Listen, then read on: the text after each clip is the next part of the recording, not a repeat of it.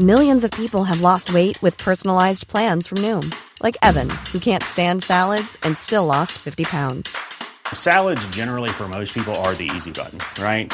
For me, that wasn't an option. I never really was a salad guy. That's just not who I am. But Noom worked for me. Get your personalized plan today at Noom.com. Real Noom user compensated to provide their story. In four weeks, the typical Noom user can expect to lose one to two pounds per week. Individual results may vary.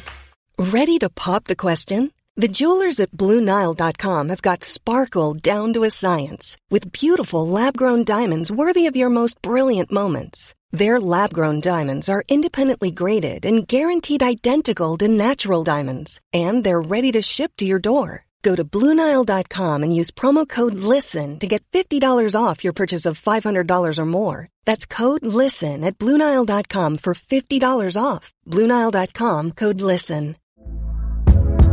Hey there, it's Michele Norris. I'm host of a podcast called Your Mama's Kitchen. When I travel, I'm usually looking for a way to find a taste of home when I'm not at home. And one of the things I love to do when I am at home is entertain. And Airbnb allows me to do that. When I was in California recently, I rented a house that had a great kitchen. And when we were sitting around the table, we're all thinking, we're in someone else's house. Someone could be in all of our homes as well. If you have a home, but you're not always at home, you have an Airbnb. Your home might be worth more than you think. Find out how much at airbnb.com/slash host. Palmemordet, We Got This, del 2 med Schiaffino Mossara. Sveriges statsminister Olof Palme är död. 90 000. Ja, det är mord på Sveavägen. Hörde de säger att det är Palme som är skjuten. Mordvapnet med säkerhet är en Smith Wesson, en revolver kaliber .357. Inte ett svar. Finns inte ett svar. För jag har inget. Och jag har inte varit Varför skulle jag Polisen söker en man i 35 till 40-årsåldern med mörkt hår och lång mörk rock. Välkomna till podden Palmemordet som idag görs av mig, Tobias Henriksson på PRS Media. Tack vare era donationer har vi haft möjlighet att varje vecka sända ett nytt avsnitt av podden och förhoppningsvis ge en ökad insikt i det här gigantiska mordfallet. Om du också vill stötta oss, gå in på patreon.com palmemordet och donera en summa som vi får per publicerat avsnitt. Idag ska vi återvända till en gammal bekant som alltid har åsikter och teorier om såväl Palmemordet som den lösning som presenterades för lite sedan. Vi kommer att ägna dagens avsnitt åt att prata med Schiaffino Mossara, upphovsman och huvudrollsinnehavare i serien We Got This på SVT. Skiff är en riktig Palmenörd och kan en hel del om fallet, vilket ni kommer att höra senare i avsnittet. Men vi börjar med att höra hur han ser på den säsong av We Got This som ganska nyligen avslutats. Reaction's been great. Um, you know, it's um, yeah, it started out really well and and and kind of grew from there. Um, it's been kind of an interesting experience, really, because you know, for for the most part, I'm an unknown person to most people in Sweden, uh, unless you've you know accidentally seen something else that I've done. Um, um, yeah, so I think it was a big surprise for a lot of people when it first came out, and also, you know, again, the timing is just crazy. I mean, like you know, I mean, I I've been working on this idea for, gosh, over seven years, I guess. Um, you know, Palma case has been open for 34 years. Uh, and you know, I've been scared that they were going to close the case the whole time I've been working on it, thinking like, okay, well, is it going to interfere with my ability to make the show? And but did I ever imagine a scenario where where the last episode of We Got This could air literally three days before they closed the actual Palma case? I mean, that's like, what are the chances of that happening? Or, or just like you, I almost feel like I should have gone out and bought a lottery ticket or something. Like it was like my lucky day or something. I, I, but uh, yeah, the reaction's been fantastic. I mean, the show you can still see the show on SVT Play. Um, it's still there. Um, and then the other big news, which happened like maybe a week, two weeks ago, I guess, was uh, the show has been sold internationally to uh, AMC network. Um, and it's going to be broadcast on a channel that they have called Sundance, Sundance Channel or Sundance Now, something like that. And um, yeah, so for for the U.S., Canada, and uh, and the UK market, it's been sold abroad. Okay, and and that's the original version, the the Swedish version or Swedish American version that we saw on SVT. Yeah, it'll be the same one. Um, it's just that they'll have English subtitles instead of Swedish ones because, for obvious reasons. it must be interesting for, I mean, for you to to manage to sell your, I mean, kind of your your baby, your your idea uh, to uh, international audience, and also it must be very interesting for them to go all in on the Swedish uh, project from, I mean, a Swedish uh, murder of a Swedish prime minister. Uh, yeah, I, you know, I have always thought. I mean, my reaction to just learning about the Palma uh, assassination in general um, the whole reason why I decided to create a show around it was because it just felt like the coolest, most interesting historical thing I had read about that I knew nothing about. Uh, and when I started to create the show from this outsider's perspective, you know, because the American is the main character, I, I was betting on the fact that other people would feel the same way. Like, like the only thing that was really preventing people from understanding how interesting this whole saga is is just simply due to the fact that they just haven't heard of it. Right? It's like the most interesting story you've never heard before is how I felt about it when I first learned about it. So that was kind of that was why I chose to go from that that perspective and I knew it would have this this international appeal if I could just get it out in a big enough way and get enough people to pay attention to it. Um, for me personally, it's pretty um, I mean, it's more than a little bizarre that, you know, I mean, I left, I started out in this business as an actor and sort of gravitated into becoming a writer. Um, and for me to have left my home country, America, uh, you know, 14 years ago, um, to suddenly, you know, kind of in a way, kind of go back there with this big Swedish TV show is like, it's almost like finding this weird little back unseen unheard of back door back into kind of hollywood you know game so to speak. It's like uh, so yeah I, I, i've i've lived long enough to know that you know if you have a plan uh, you know, expect it to not go according to plan. You know what I mean? It's like nothing really ever goes according to plan.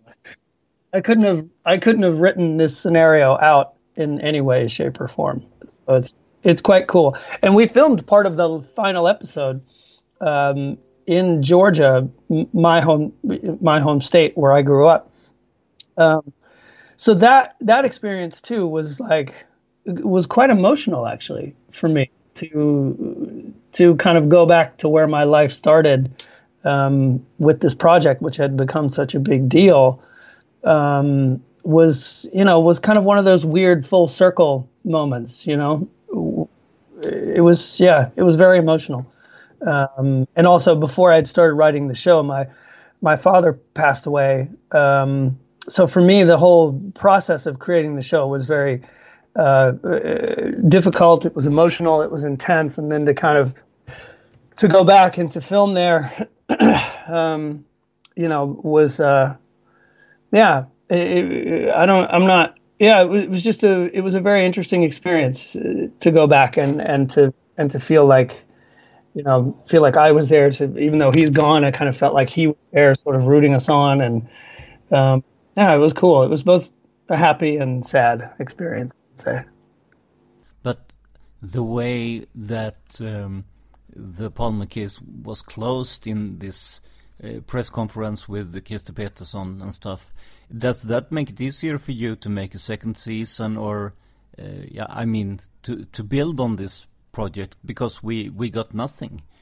Well, certainly, yeah, based on what they gave us, I would say, yeah, it does increase our chances of making a second season. Um, I was more than a little nervous. Well, okay, so one of the things that I feel like I always have to say, just so that people don't think like I'm totally heartless, like what happened on on uh, on June 10th with the announcement um, was a terrible day for Sweden, um, based on what they offered um, I think it was an insult actually to the people who have who have basically not just paid their tax money to pay for the existence of this case, but also just I mean this is like the the biggest and most horrible thing that's ever happened in Swedish history. It changed the country forever. Um, and and that's the answer that they gave. Um, so yeah, it's an insult. It's a slap in the face. I think. Um, that being said, uh, as a guy who's been trafficking and writing dark comedy about how fucked up the the Palme investigation has been for these last 34 years, it was a great day for me. Um, because you know I already I already knew by and large what I wanted to do with season two, and now since the closing of the case, um, they've only just given me more material to work with. Ryan Reynolds here from Mint Mobile. With the price of just about everything going up during inflation, we thought we'd bring our prices down. So to help us, we brought in a reverse auctioneer, which is apparently a thing. Mint Mobile unlimited premium wireless. Ready to get 30, 30, bit to get 30, bit to get 20, 20, 20, bit to get 20, 20, bit to get 15, 15, 15, 15 just 15 bucks a month. So, Give it a try at mintmobile.com/switch. slash $45 up front for 3 months plus taxes and fees. Promo rate for new customers for limited time. Unlimited more than 40 gigabytes per month slows. Full terms at mintmobile.com. Hey, it's Danny Pellegrino from Everything Iconic. Ready to upgrade your style game without blowing your budget? Check out Quince. They've got all the good stuff, shirts and polos, activewear and fine leather goods, all at 50 to 80% less than other high-end brands. And the best part? They're all about safe, ethical and responsible manufacturing. Get that luxury vibe without the luxury price tag. Hit up quince.com slash upgrade for free shipping and 365 day returns on your next order. That's quince.com slash upgrade. I'm Sandra, and I'm just the professional your small business was looking for. But you didn't hire me because you didn't use LinkedIn jobs. LinkedIn has professionals you can't find anywhere else, including those who aren't actively looking for a new job, but might be open to the perfect role, like me.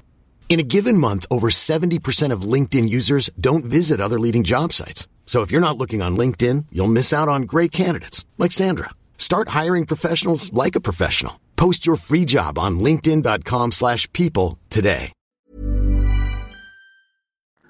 Um, so, you know, I mean, the the closing was so fascinating. I mean, it was like, I mean, God, you just thought for sure they're going to have something tangible, something something real, something. You know, I, I got, you know, I, I was like most people. I thought it was going to be, I thought they were going to say Skandiamannen, um, which is obviously what they turned out to say. Um, but I got sucked into, you know, what was it? The week before, it was like, you know, so there were rumors that maybe they were going to mention that South Africa was involved. There were rumors that they had a gun. There were rumors that they had DNA. There was all this stuff, and I was like, oh my god, this is like, maybe this isn't going to be what I think it is. And then they roll out with this fucking, uh, what the hell is this thing? This PowerPoint presentation, um, which was probably, you know, no offense, Sweden, but that had to be the most Swedish uh, presentation I've ever seen in my life uh, for something that that deserved more. You know what I mean? Like I, I even just on a you know I'm almost insulted just on a like from a filmmaking perspective. Like just production value of it was so horrible. Like come on, man, this is like you know this is a huge deal. Like what are you doing? Yeah, yeah.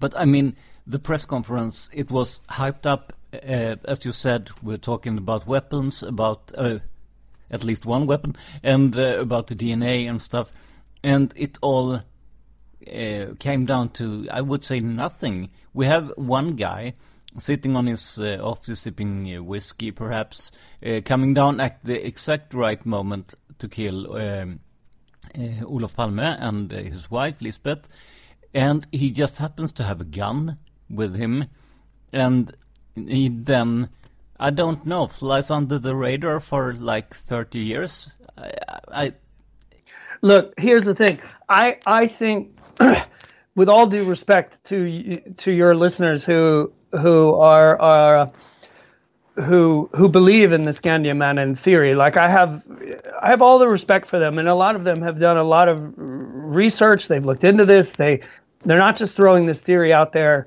Um, randomly. They've put a lot of thought into it, and and I get that. Um, and and I'm not even saying that. I'm not even really say I don't think there's a scenario where it's impossible for him to have been the shooter. Where where I get lost uh, or where you start to lose me is when you start talking about him being the shooter like by himself, right? That that that the scenario that you basically just described that this was literally just like a crime of circumstance. I've never thought that that was the case with Palma. Um, and it, just it doesn't really make sense to me that that the most like politically divisive figure in in Swedish history um, and also like far beyond Swedish borders. I mean, like the number of people that were getting in line who would have loved to have killed this guy. Um, and you want to tell me that somebody just, you know, first you wanted to tell us that some alcoholic accidentally shot him because he thought it was his drug dealer. Uh, and now you want to say it's some guy who just clocked out and happened to have a gun and said, shit, I hate that guy. I'm going to shoot him. you know what I mean? Like, th- to me, that doesn't. and, like, if we were in America, I would say, like, okay, fine, I could buy that. You know, because in America, you know, people walk around with guns. You know, that shit, especially where I come from in Georgia, fuck half of the state is walking around with a pistol in their pocket. You know what I mean? Um, but here, I mean, even today, like how uncommon is it to be walking around with a pistol, much less in 1986? You know what I mean? And and there's so many there's so many inconsistencies and and specifically with regard to the press conference like I mean, I was shocked to even hear the the prosecutor say like we can't even really we can't we can't account for his movements. We can't account for his actual motive, other than the fact that he lived in Täby with a bunch of other people who apparently hated Palma. Uh, I was just driving through Täby the other day, and I was just like joking about like, oh yeah, this is the place where they hate Palma. it's like okay, fine. So so everybody who hates Palma and lives in Täby is now suspect for Palma murder. Like what the fuck? I you know I just it was shocking, and and you know I can't say for sure, but I personally I mean, I'm I'm a very obviously I work in a very visual medium, um, and when I sat there and watched him make this announcement, I didn't his body language and his facial expressions. I I, I didn't even get the feeling that he believed what he was telling. Look, look, look at him in like February when he was uh, talking to uh, Veckans Brott, I think it was, uh, about uh, oh I'm gonna solve this case. He was he had like a, I don't know how to say it, the sparkle in his eye. He has he a had, smile. He had confidence. He had a lot more confidence then. But now, but now we know with the luxury of these, well, however many weeks that have passed since the announcement, it's almost a month now. Um, you know, all the stories are starting to come out, right? Like, you know, they were in the process of testing the gun. They were in the process of testing the DNA. And weeks before the announcement, all that stuff just caved in on him. None of it panned out the way he wanted it to which kind of begs the question back in February when he went on Veckans Brott, what the fuck was he doing? Why was he saying that? Why? I mean, so many people in these, you know, these Palma groups that are on on Facebook, like so, that was the big question that everybody was asking was like, okay, so if you know who did it, then why are we waiting for six months for you to tell us? Like, what exactly is going on here? And I still don't really know the answer to that question. And and and why announce it in February when you don't have the results from the DNA, obviously, and not not the results from the weapon? I mean, he has nothing. He still has the loose ends, but still he says, "I'm going to solve this case in six months." I don't get it. I really, I honestly still don't know how to answer that question. And and the only thing that I can think of um, and this is pure speculation. Um, you know, this is the my inner conspiracy theorist. Um, I, I, don't. I, I kind of leaning towards this idea. I don't think that he was necessarily like trying to do something sneaky, but I kind of get the feeling that the moment that Krister Petersson was hired to be the head of the Palma Group, I think his number one job was just essentially to close the case. Okay. You know what I mean? Like figure out a way to close shut this thing down. And it makes sense that what he's been the head of the Palma Group for what three uh, this year I think would have been four years I think, um, maybe more. But it makes sense that it would take a certain amount of time for him to kind of investigate and present something that would feel like he had spent a believable amount of time to have like kind of taken some stance of authority on on what really happened with this case. Um, that being said, I think I think I've you and I have had this conversation privately as well. I personally think that he missed his best opportunity to close the case after Elizabeth Palma died. Um, that would have been a like the ideal moment to close the case, I think, because the thing that's so weird and ironic about this whole thing, them closing the case, like, and this was also part of the show too. The one thing when we started to to work out what we were really going to do with we got this, my number one priority was to make sure that I wasn't making fun. You know, it's meant to be kind of a dark comedy, but I had no intention of making fun of Olaf Palma, right? Um, what I really wanted to sort of poke fun at was like, you know, the this this kind of culture that that that emerged after the assassination and continued on throughout um, all of these years of people sort of arguing and debating all of the different theories. And you know some of the theories seem quite logical. Some of them seem like completely batshit crazy. Um, and but the one thing that everybody has in common whether you think whether you think it's Skandiamannen, whether you think it's South Africa, whether you think it's baseball league cops, whether you think it's Christer Pettersson or Christer Anderson, whoever the fuck you think killed Olaf Palme, the one thing that everybody can agree on is that the police completely fucked up this investigation. They really did. From day one. And that was going to be the primary target for for we got this because that's the one thing that we can all agree on. So given that I personally think that his like the smartest thing he could have done would be to have come out and say, "Look, um, it's been 34 years. Uh, the original uh, iteration of the Palme Group and and several others that came after Holmér, um, they botched this investigation so bad that I think we need to come to terms with the fact that this case really cannot properly ever be solved." We will never be able to prove 100% who is responsible for this assassination. And that being said, you know, given that that's true, uh, we think that it's time to stop spending time and money and resources on this case. We need to close the case. Of course, if new information comes forward, we will look at it and we will. We're not saying we like completely shutting the door, but we think it's time to close the Palme investigation. I think had he made that announcement on June 10th, I think you would have had far less of a backlash from the Swedish public than what you're having right now. Uh, and I think he could have. The reason why I think he should have done it when Elizabeth Palme died is because he would have been able to add that to the reasons to why they're closing the case. Like, look, you know, the wife of Olaf Palme has now passed away.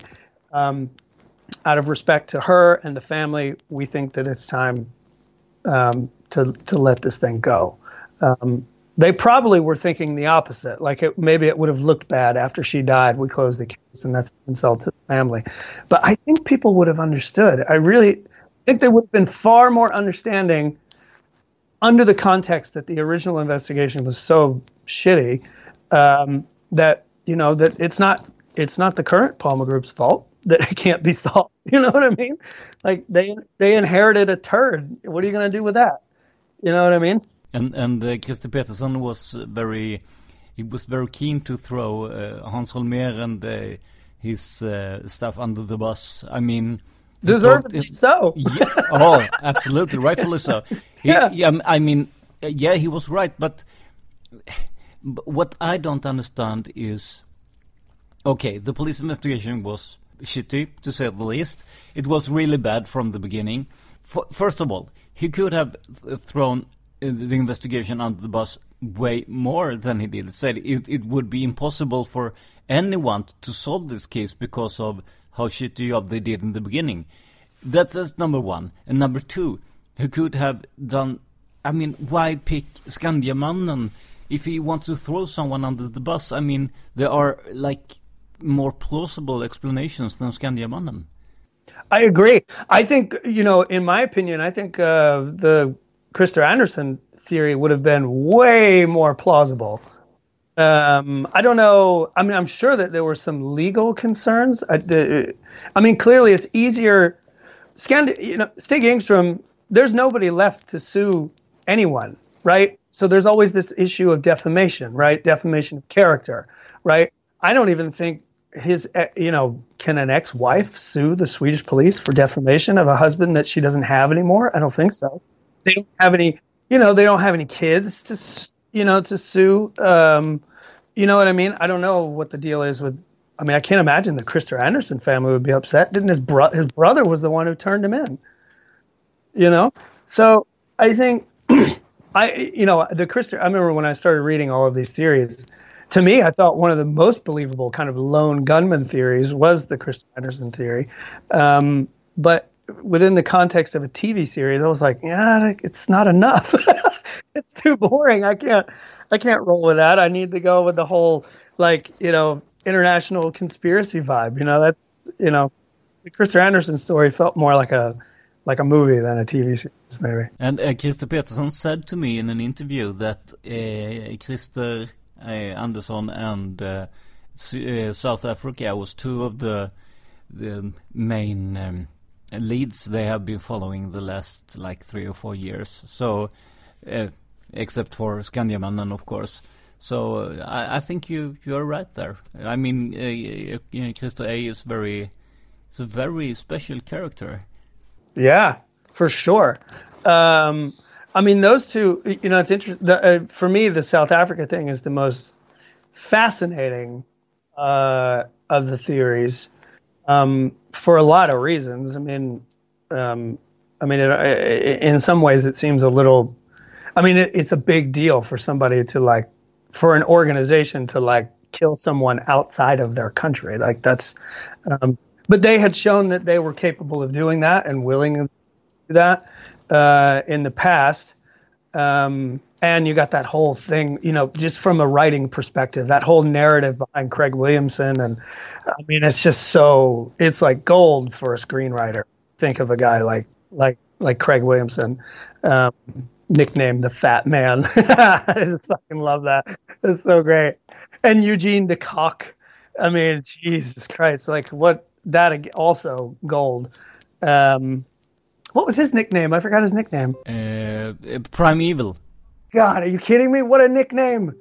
What a great nickname! I can only hope that someday I will have a nickname that cool. I mean, I don't want to be evil, but I'm just saying it. You know, that's a that's a kick-ass nickname. Yeah, really, it really is Prime Evil. Uh, it, it it has a certain ring to it. I mean, that's like you you cross the street when you see Prime Evil coming down the road. You know what I mean? Like that's that's pretty hardcore. You got to respect. At the same time, uh, Krister Petersson denied that there have been any exchange of information with South Africa in the last like six months or so. There were talks about uh, papers being traded uh, through. Wasn't there some kind of March seventh meeting that was planned, and then it got sidelined because of the coronavirus or something? I remember hearing. Was it?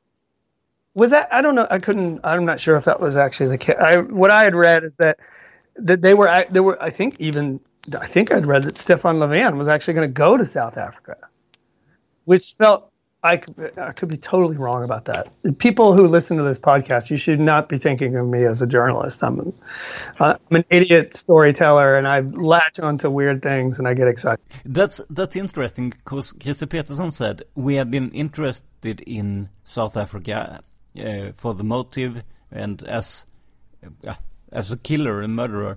But also he says we haven't uh, exchanged any documents or stuff with them. So I don't know what to think. We're interested, but not interested enough to call them. you know what I mean? Like, what the fuck does that even mean? If you're interested in you, I mean, so, yeah. I mean, well, okay. So some of the things that really I thought were quite fascinating which you don't hear, you have, you know, historically have not heard a lot from the Palma Group, uh, with regard to finally admitting uh, that they could neither really confirm nor deny that some of these kind of so-called. Se- I thought it was funny that he talked about these like secret organizations, right? You know, because for you know, for the novice who doesn't know anything about Palma, you're like, what? I don't even know what he's talking about. But for the rest of us, Palma nerds, you know, we knew exactly who he was talking about. You know what I mean? It, so that was one of the moments that I sort of jumped up off the couch. I was like, "Holy shit, he's talking about Stay Behind!" And like, I was like, "Did he actually just admit?"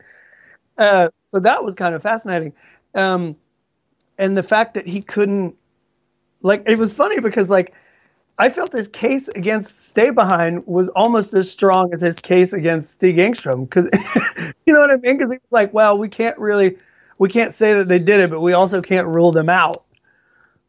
I was like, wow, uh, that that's that's pretty fascinating, and that's been to me like that. That's the kind of stuff that makes my job as a writer so much easier, um, because you know that's the universe that I'm trafficking in with We Got This, this this more international conspiracy type universe. So having that kind of come out publicly, and also kind of watching how, you know, when I first started looking into this, I would say most, I got the impression that the majority of people in Sweden had come to terms with the fact, you know, that Christer Pettersson, the alcoholic drug addict, was probably responsible for the murder. Um, I'd be interested to see what a what an actual like if you conducted a poll now, what people think. Um, because now I feel like some of those so-called fringe theories, like stay behind, baseball league cup, South Africa, those theories are suddenly becoming a lot more popular. And you've probably seen. I mean, I know you guys have had a huge uh, uptick in interest in in the podcast, and you see the same thing on the Facebook groups. Uh, the Facebook groups are are exploding. Probably you know it's funny to watch because a lot of those the old timers on those groups seem to be getting a little annoyed by some of the latelys you know? A little annoyed? It, it, i can totally understand why they're annoyed and and it's funny. It's like because i only joined those groups maybe a couple of years ago and i'm quite I, I like to think of myself as someone who's who's quite aware of the situations that i'm in you know what i mean so when i joined all of those palma facebook groups it, I was really just more interested in seeing what the conversation, what conversation was still being had about the Palma murder, and for me that was kind of helpful as I was writing. Uh, we got this to kind of allow myself some time to get into that headspace a little bit. Uh, so I never really was an active participant on these groups. I was really just kind of reading the conversation to see what it was like. Um, and and but then of course I became more of an active participant when the show came out because I wanted to promote the show. um, but it's been great. I've I've the the reaction from that community because initially that was actually my biggest concern. Um, I don't know. SVT probably thought my biggest concern should have been being sued by the Palma family, but I never really, I never really thought that that was going to be a big deal because uh, I knew I wasn't going to make fun of. If anything, the show is more of a tribute to Olaf Palma. I don't see it as. I, I was never worried about that. Uh, I was really more worried about um, not insulting the so-called privatspanare community, um, because I think they deserve more respect than they than they normally get. Um, just because they're unwilling to let go of this thing, you know, I, I'm I actually admire that. Um, so, you know, that's it, it, at least they stand for something. You know what I mean? You don't meet you don't meet a lot of people in Sweden who stand for something, who, who take a strong who take a strong stance on anything. Um, so, uh, or at least from my perspective, I don't. Not in Stockholm anyway. Um, I don't know about the rest of the country, but you know. And also the um, private investigators, investigators or privatspanare some of them have come up with stuff that's actually uh, been uh, researched or, or investigated by the Palme Group. I mean, for example, um, let's say uh, uh the the theory about meeting, the uh, mötesscenariot. it it came from uh, uh, at first, and then it I know I don't know like it grew to become a, a more acceptable theory. Mm, I the same thing about. Um, I think it was uh, Lars Krantz. Uh, he had a theory about two people entering a bus, men dressed as women or something. But uh, he was, yeah, he was like lunatic late in his life. But the the initial information started put some light on the the police. Um, the police, uh, help me out here. Uh, the um, police spåret. Yeah, the police force. Is he the one who really got them to start looking into that? I'm not sure if he got them looking into that, but he had suspicions against. Um, but I think maybe he was the first one to go public with it. Uh, he? Might be, might be. Because that, that I mean, I think because then there was also the, um, what was that other dude? The um, Skellefteå Mannen, who, you know, I mean, like that, that, that to me was really. I actually had a whole episode written back when I thought when I first started writing we got this I thought I was going to do 10 episodes because that's at the time when I was writing it that was kind of the the standard you know most shows were 10 episodes uh, and then the production company Jarowskij wanted me to do 8 episodes I was like okay fine uh, and then SVT w- came up with this new thing of doing 6 episodes um, back when it was 8 episodes I had a whole episode planned around finding the man from Skellefteå, like this whole like a mystery inside of the mystery. You know what I mean? Like because it's such a great story. I love the.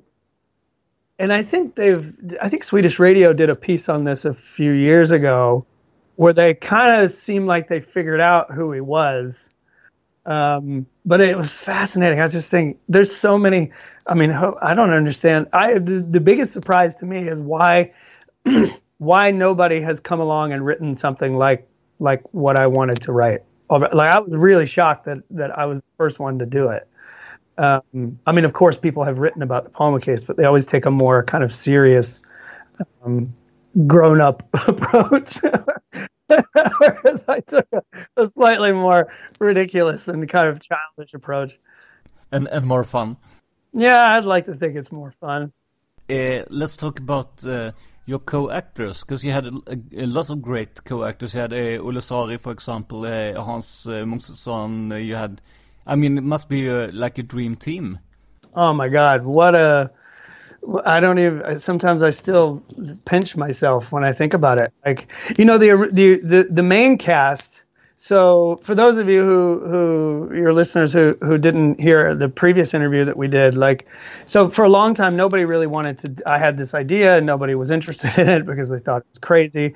Uh, and so I went out and I made this trailer with my own money, uh, along with my producer uh, Anna Sophia Mork is her name, um, and we, she and I basically bankrolled this this trailer that we made uh, just to kind of try and show people what I wanted to do.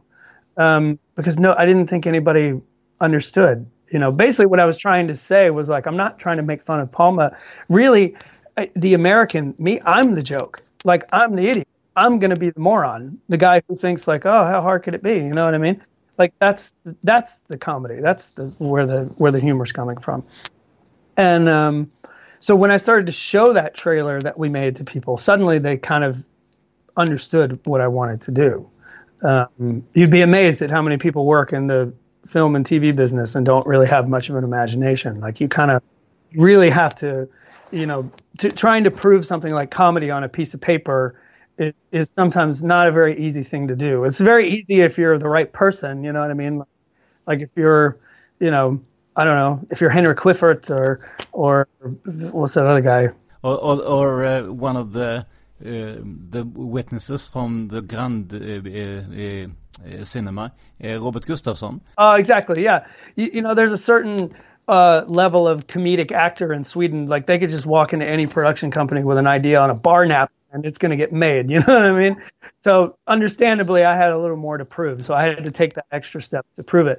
And in that original trailer, um, I think part of what helped to sell the idea was aside from me, uh, you, we also had what is kind of the main cast.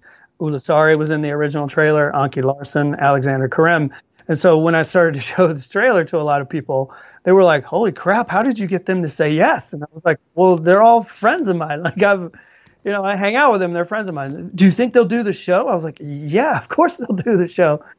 Um, so they were kind of already locked in from the beginning. Um, but then as you sort of spread out through the rest of the cast, like, I mean, the people that are in the show that that that I didn't, you know, because I don't have the same cultural references that you guys have. So so I didn't know who Hans Mosesson was. I mean, I somebody told me he was in all the ICA commercials, and I was like, yeah, oh yeah, that ICA Stig guy, yeah, okay. But you know, I didn't know who he was. I didn't know how good he was. Leonard Jäkel, I didn't know him. Um, him, I don't even think I'd ever heard of when he popped up on the cast list. So, and he's fantastic. He's he's so good. Um, and the list just goes on and on and on and on and on. There's so many great people um, that were in this, and and I was really quite flattered actually because, you know, I mean, we got this as a big, you know, script wise, storytelling wise, is a huge departure from from just about anything you've ever seen on Swedish TV. I'm not like trying to toot my own horn. I'm just saying like you don't see a lot of stuff like this in Sweden. You see it in America. It's not it's not super uncommon to see like kind of a weird comedy like this that has kind of a sen- sensitive subject matter. Um, you know, so the, the whole idea from the beginning was to do something that was like, you know, you know, like people say, you know, like a show like Breaking Bad. You know, technically it's not comedy, but it's funny. Orange is the New Black, not a comedy, but it's funny. You know, these kind of shows are, are common in the states, but you don't see them very often here. Um, but the actors really like i mean the response that i got from all of these actors was just like wow we have definitely never been asked to do anything like this before. Um, and they got super excited, totally embraced it, and and the performances that they brought. I mean, Jesus Christ, these guys, they're so so good. Um, yeah, Johanna Wilson also. She's been in a bunch of stuff. She's she's fantastic. Uh, Sandra Andreis, the woman who played my wife, she was good.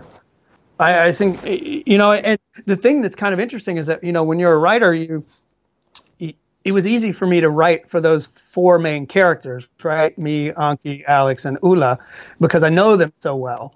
All the other characters were kind of created in the abstract, you know, um, without having an actor in mind. Um, but now that I know who's actually playing these parts, I mean, when it, it, when the first day that I went sat down to start working on season two, I mean, it was like riding a bike. I could not wait to get back into this. Like to, to not only feel like I knew who these characters were, but also to know who's playing them.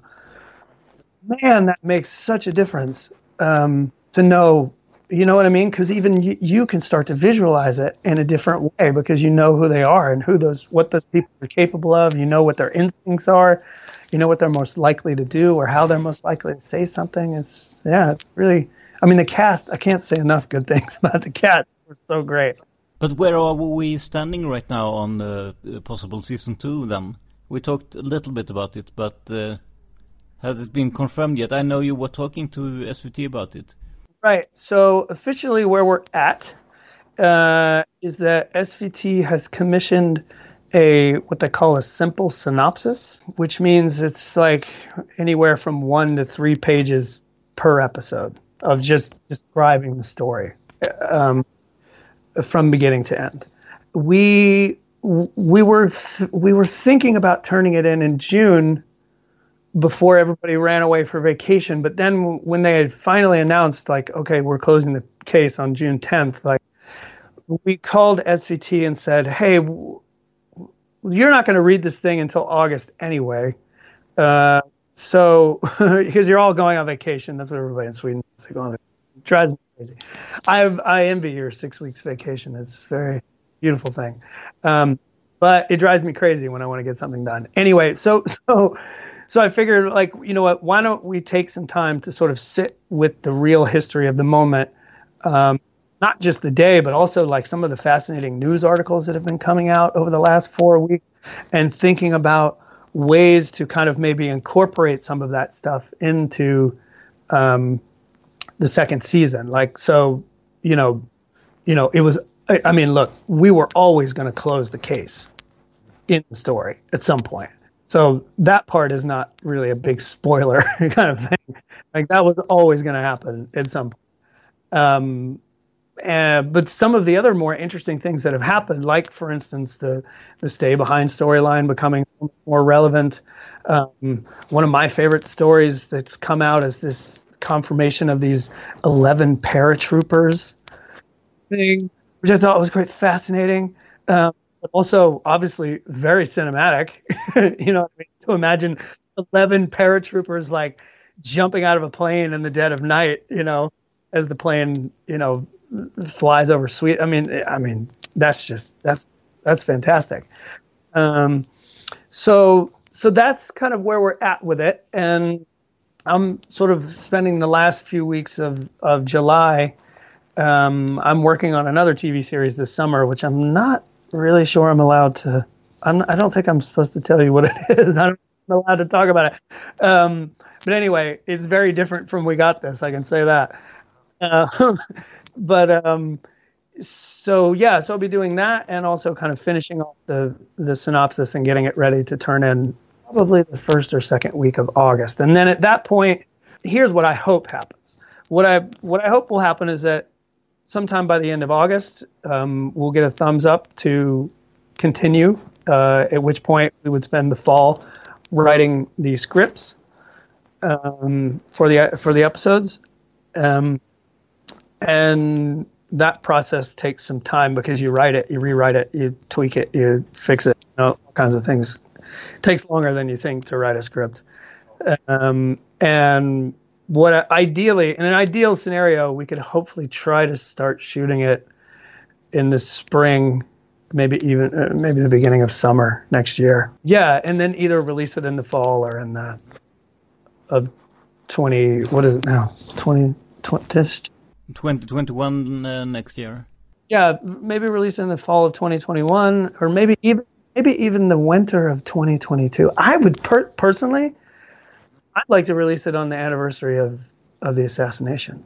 Ah. I think that's the most fascinating time to release. It's when I want. That's actually when I wanted to release season one, but SVT thought that would be too sensitive. maybe they're right. You know, maybe, maybe. But now that you've seen season one, like you realize, like, okay, I know what I'm getting myself into. I think I don't know. But all of that, all that, all that last part of the plan is so speculative at this point. Like, so many things can go wrong to stem that. Uh, you know, anything could happen. All I know right now is that they're paying me to write a synopsis, and I hope they're going to keep paying me to write scripts. That's, that's about all I can confirm at this point. Now the investigation is closed, and we, we at least we can ask for documents from the investigation. Uh, but if you want all of the documents, you have to pay like one million Swedish crowns. Oh my god! Yeah. What's your uh, take on that? Well, my first take on that, okay, my first reaction to that really was, what the fuck? Are you kidding me? like, are you seriously telling me that after 34 years and how much taxpayer money has been spent on this case, and now you want to charge somebody a million crowns to get all the files out of the Thelma group? I was like, what? No. you know what I mean? Like, I, I didn't understand why. Uh, that was actually, you know, when they said they were going to close the case, I mean, that was obviously the big question on everybody's mind. What are they going to do with the files? Like, are they going to mark them classified like they did with the JFK uh, thing? Um, or or will they go like you know the Christopher? You can go down to uh, the Statsarkivet in in Stockholm and and request the Christer Pettersson files. You can look through those for as long as you want. I mean, they'll only give you five boxes at a time, but you know, still, I've been down there. Uh, they will also sell you the digitized version of the Christer Pettersson files on a little thumb drive if you want them. Um, and that was the other thing. I was like, okay, look, you have got to release these files. Like, I mean, these things they have to come out. Um, I get that they have this kind of, you know, I've I've since read like, oh yeah, it costs money, and we have a protocol. You have to print them out, like kind of.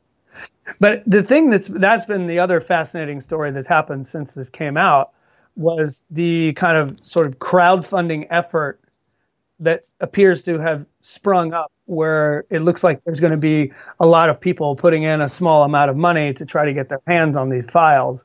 Um, because I think the ideal scenario is that if those files can be obtained, digitized, and categorized, then you could put them up like what's this MOP archive? You know the, you know you could do a, something like that. Um, because look, you know, aside from wanting to solve the case, I mean, there are enormous educational opportunities by making this this case public. I mean, you could teach this case in universities. You could teach it in, there's so many uh, things that you could do, so many benefits from making these files public. Um, I, it would be a fascinating case study to see what could happen with these files if you made them them public. Absolutely. I, yeah, I mean, we'll see what happens. I would certainly throw my money behind a fund, uh, you know, a crowdfunding campaign to get my to get those files out to the public because, you know, for me, it's it, for me, it was never about solving the case. Say, I mean, I want it to be solved, uh, and I want someone to solve it. Um, and who better to solve it than all of these so-called Palma nerds who, who who have been trying to solve it for all these years. Give it to them. Let them try to. You know what I mean? At least they care about it. You know, I mean, the downside is is that they don't have the same. You know, clearly they don't have the same standards and and and protocols that a that. A, you know, you never at this point you're never going to solve it to the point where where you're going to have a court case where a judge says yes, the person's guilty. Um, you know what I mean? So so that being the case, then then the argument of these people not having the kind of you know sort of investigative standards that the police would have, that argument kind of goes out the window because you're never going to try this case anyway. So why not just let them have a crack at it? Look at what just happened with the fucking woman who you know who basically solved what is it? Was it the Golden State Killer? Uh, yeah, it might have been she more or less solved the case of the Golden Golden State Killer from her grave, for Christ's sakes. You know what I mean? She writes a book, dies of, I think she died of cancer or something. Her husband is like a famous actor. This guy, Patton Oswalt is his name. Um, yeah, and suddenly that case is blown wide open. In part because of some of the things that she discovered, not entirely because of what she discovered, but but it helped. Um, it, it, and I just don't understand why at this point you've tried everything else, and it's not like anything really worked. You know, nobody's really buying the Skandiamannen thing. I don't think anyone's sitting here going like, "Oh wow, geez, they nailed it. I guess we can all go home now." It, you know what I mean?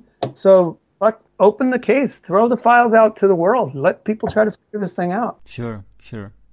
And I, I, I think that's, uh, I mean, for historians or uh, for private investigators or, as you say, privatspanare, I mean, I, I think there would be a, a huge uh, boost. I mean, at, at, least, if nothing else, we can look at all the different uh, leads and make our own decisions and may, uh, come up with our own conclusions. I mean, now we have like two or three percent of the total investigation uh, estimated. Yeah. Look, the thing, the point, the point to me is that look, there are a lot of people out there who are very clever and very dedicated. Uh, and I think that they could really make a difference in this case. Um, I, I, really firmly believe that if you released those files to the public, I think you could find. I could imagine a scenario where you would you would see a reasonable solution to who killed Olaf Palma in my lifetime. I I think. Mm-hmm. I think it's definitely possible. And when that happens, you will make a TV series about it, sure? yeah. It would be like that. There's a great documentary called, uh, what the hell's the documentary called? Don't Fuck with Cats. Have you seen that? No, I haven't. Oh my God. It's amazing. It's like a, it's like a murder mystery thing that basically gets solved by these people on Facebook. It's like a little gang of people on Facebook and they get sucked into this murder mystery and it's it's super fascinating. Um, I saw it like maybe, I think I saw it the summer before we actually started shooting. We got this. It was on Netflix, and I was just like, man, this is this is exactly how I think the Palma case could get solved somehow. If you release these files, like if you got enough people who were that obsessed with the case, uh, yeah, I think you're. I think it could also cause a lot of problems, though. Uh, you know, I mean, you see a lot of kind of you know bickering back and forth in some of these Facebook groups already. I can't imagine what it would be like if any of them actually had their hands on the case files. I think it could get. We might have another murder that needs to be solved by the end of it. the best case scenario would be total chaos, and worst case scenario would be another murder. exactly. Yeah. Exactly. We solved the solve the murder uh, that Ugh. came from the murder of Olof Palme. Yeah we are looking forward to a possible season two of We Got This, and uh, let's see if we uh, people will come up with something else than Skandiamannen about the Palme case. Yeah, I, I have no doubt that there will. I, I think that I think you're going to see more of Palma in the culture world from here on out. Um, especially now that the case is technically closed. You know, I uh, he's too big. He's too big a deal. Uh, he, and he's too big a deal. He was way too important to this country for the case to be closed in the manner that it was closed. Um, this is far from over, uh, I would say. Skif Musarra, thank you a lot for uh, talking to us again. And uh, uh, please feel free to come back with more news about the upcoming uh, season, if there will be a season two. We're always happy to talk to you. Absolutely. I love talking to you guys. Det här tackar vi Skefino Skiff Musara för den här gången. We Got This finns att se på SVT Play när det här spelas in sommaren 2020. Vad tycker du om serien och om Skiffs teorier? Kommentera gärna på facebook.com palmemordet. Där finns också Dan och jag redo att svara på frågor om podden. Det här var veckans avsnitt av podden Palmemordet som idag gjordes av mig, Tobias Henriksson på PRS Media. För mer information om mig och mina projekt besök facebook.com prsmedia.se eller gilla oss på Instagram där vi heter PRS Media, ett ord, små bokstäver. Intervjun med Skiff kommer också att läggas upp textad på Youtube, men vi kan inte lova något publiceringsdatum då det är mycket för oss att göra just nu med podden. Tack till alla som sponsrar oss på patreon.com palmemordet. Men framförallt, stort tack för att du lyssnar på podden Palmemordet. Man hittar Palmes mördare om man följer PKK-spåret till botten.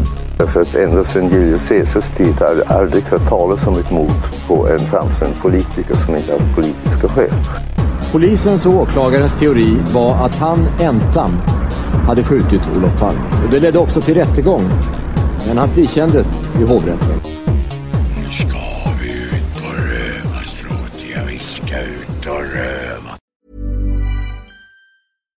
Hi, I'm Daniel, founder of Pretty Litter. Cats and cat owners deserve better than any old-fashioned litter. That's why I teamed up with scientists and veterinarians to create Pretty Litter. Its innovative crystal formula has superior odor control and weighs up to 80% less than clay litter. Pretty Litter even monitors health by changing colors to help detect early signs of potential illness. It's the world's smartest kitty litter. Go to prettylitter.com and use code ACAST for 20% off your first order and a free cat toy. Terms and conditions apply. See site for details. Hey, it's Paige DeSorbo from Giggly Squad. High quality fashion without the price tag? Say hello to Quince. I'm snagging high end essentials like cozy cashmere sweaters, sleek leather jackets, fine jewelry, and so much more. With Quince being 50 to 80% less than similar brands. And they partner with factories that prioritize safe, ethical, and responsible manufacturing. I love that. Luxury quality within reach. Go to quince.com slash style to get free shipping and 365 day returns on your next order. Quince.com slash style. When you make decisions for your company, you look for the no brainers. And if you have a lot of mailing to do, stamps.com is the ultimate no brainer. It streamlines your processes to make your business more efficient, which makes you less busy. Mail checks, invoices, legal documents, and everything you need to keep your business running with Stamps.com. Seamlessly connect with every major marketplace and shopping cart. Schedule package pickups and see your cheapest and fastest shipping options from different carriers. With rates up to 89% off USPS and UPS rates. And with the Stamps.com mobile app, you can take care of mailing and shipping wherever you are. Make the same no-brainer decision as over 1 million other businesses with Stamps.com. Sign up with code PROGRAM for a four-week trial, plus free postage and a free digital scale. No long-term commitments or contracts. That's Stamps.com. Code PROGRAM.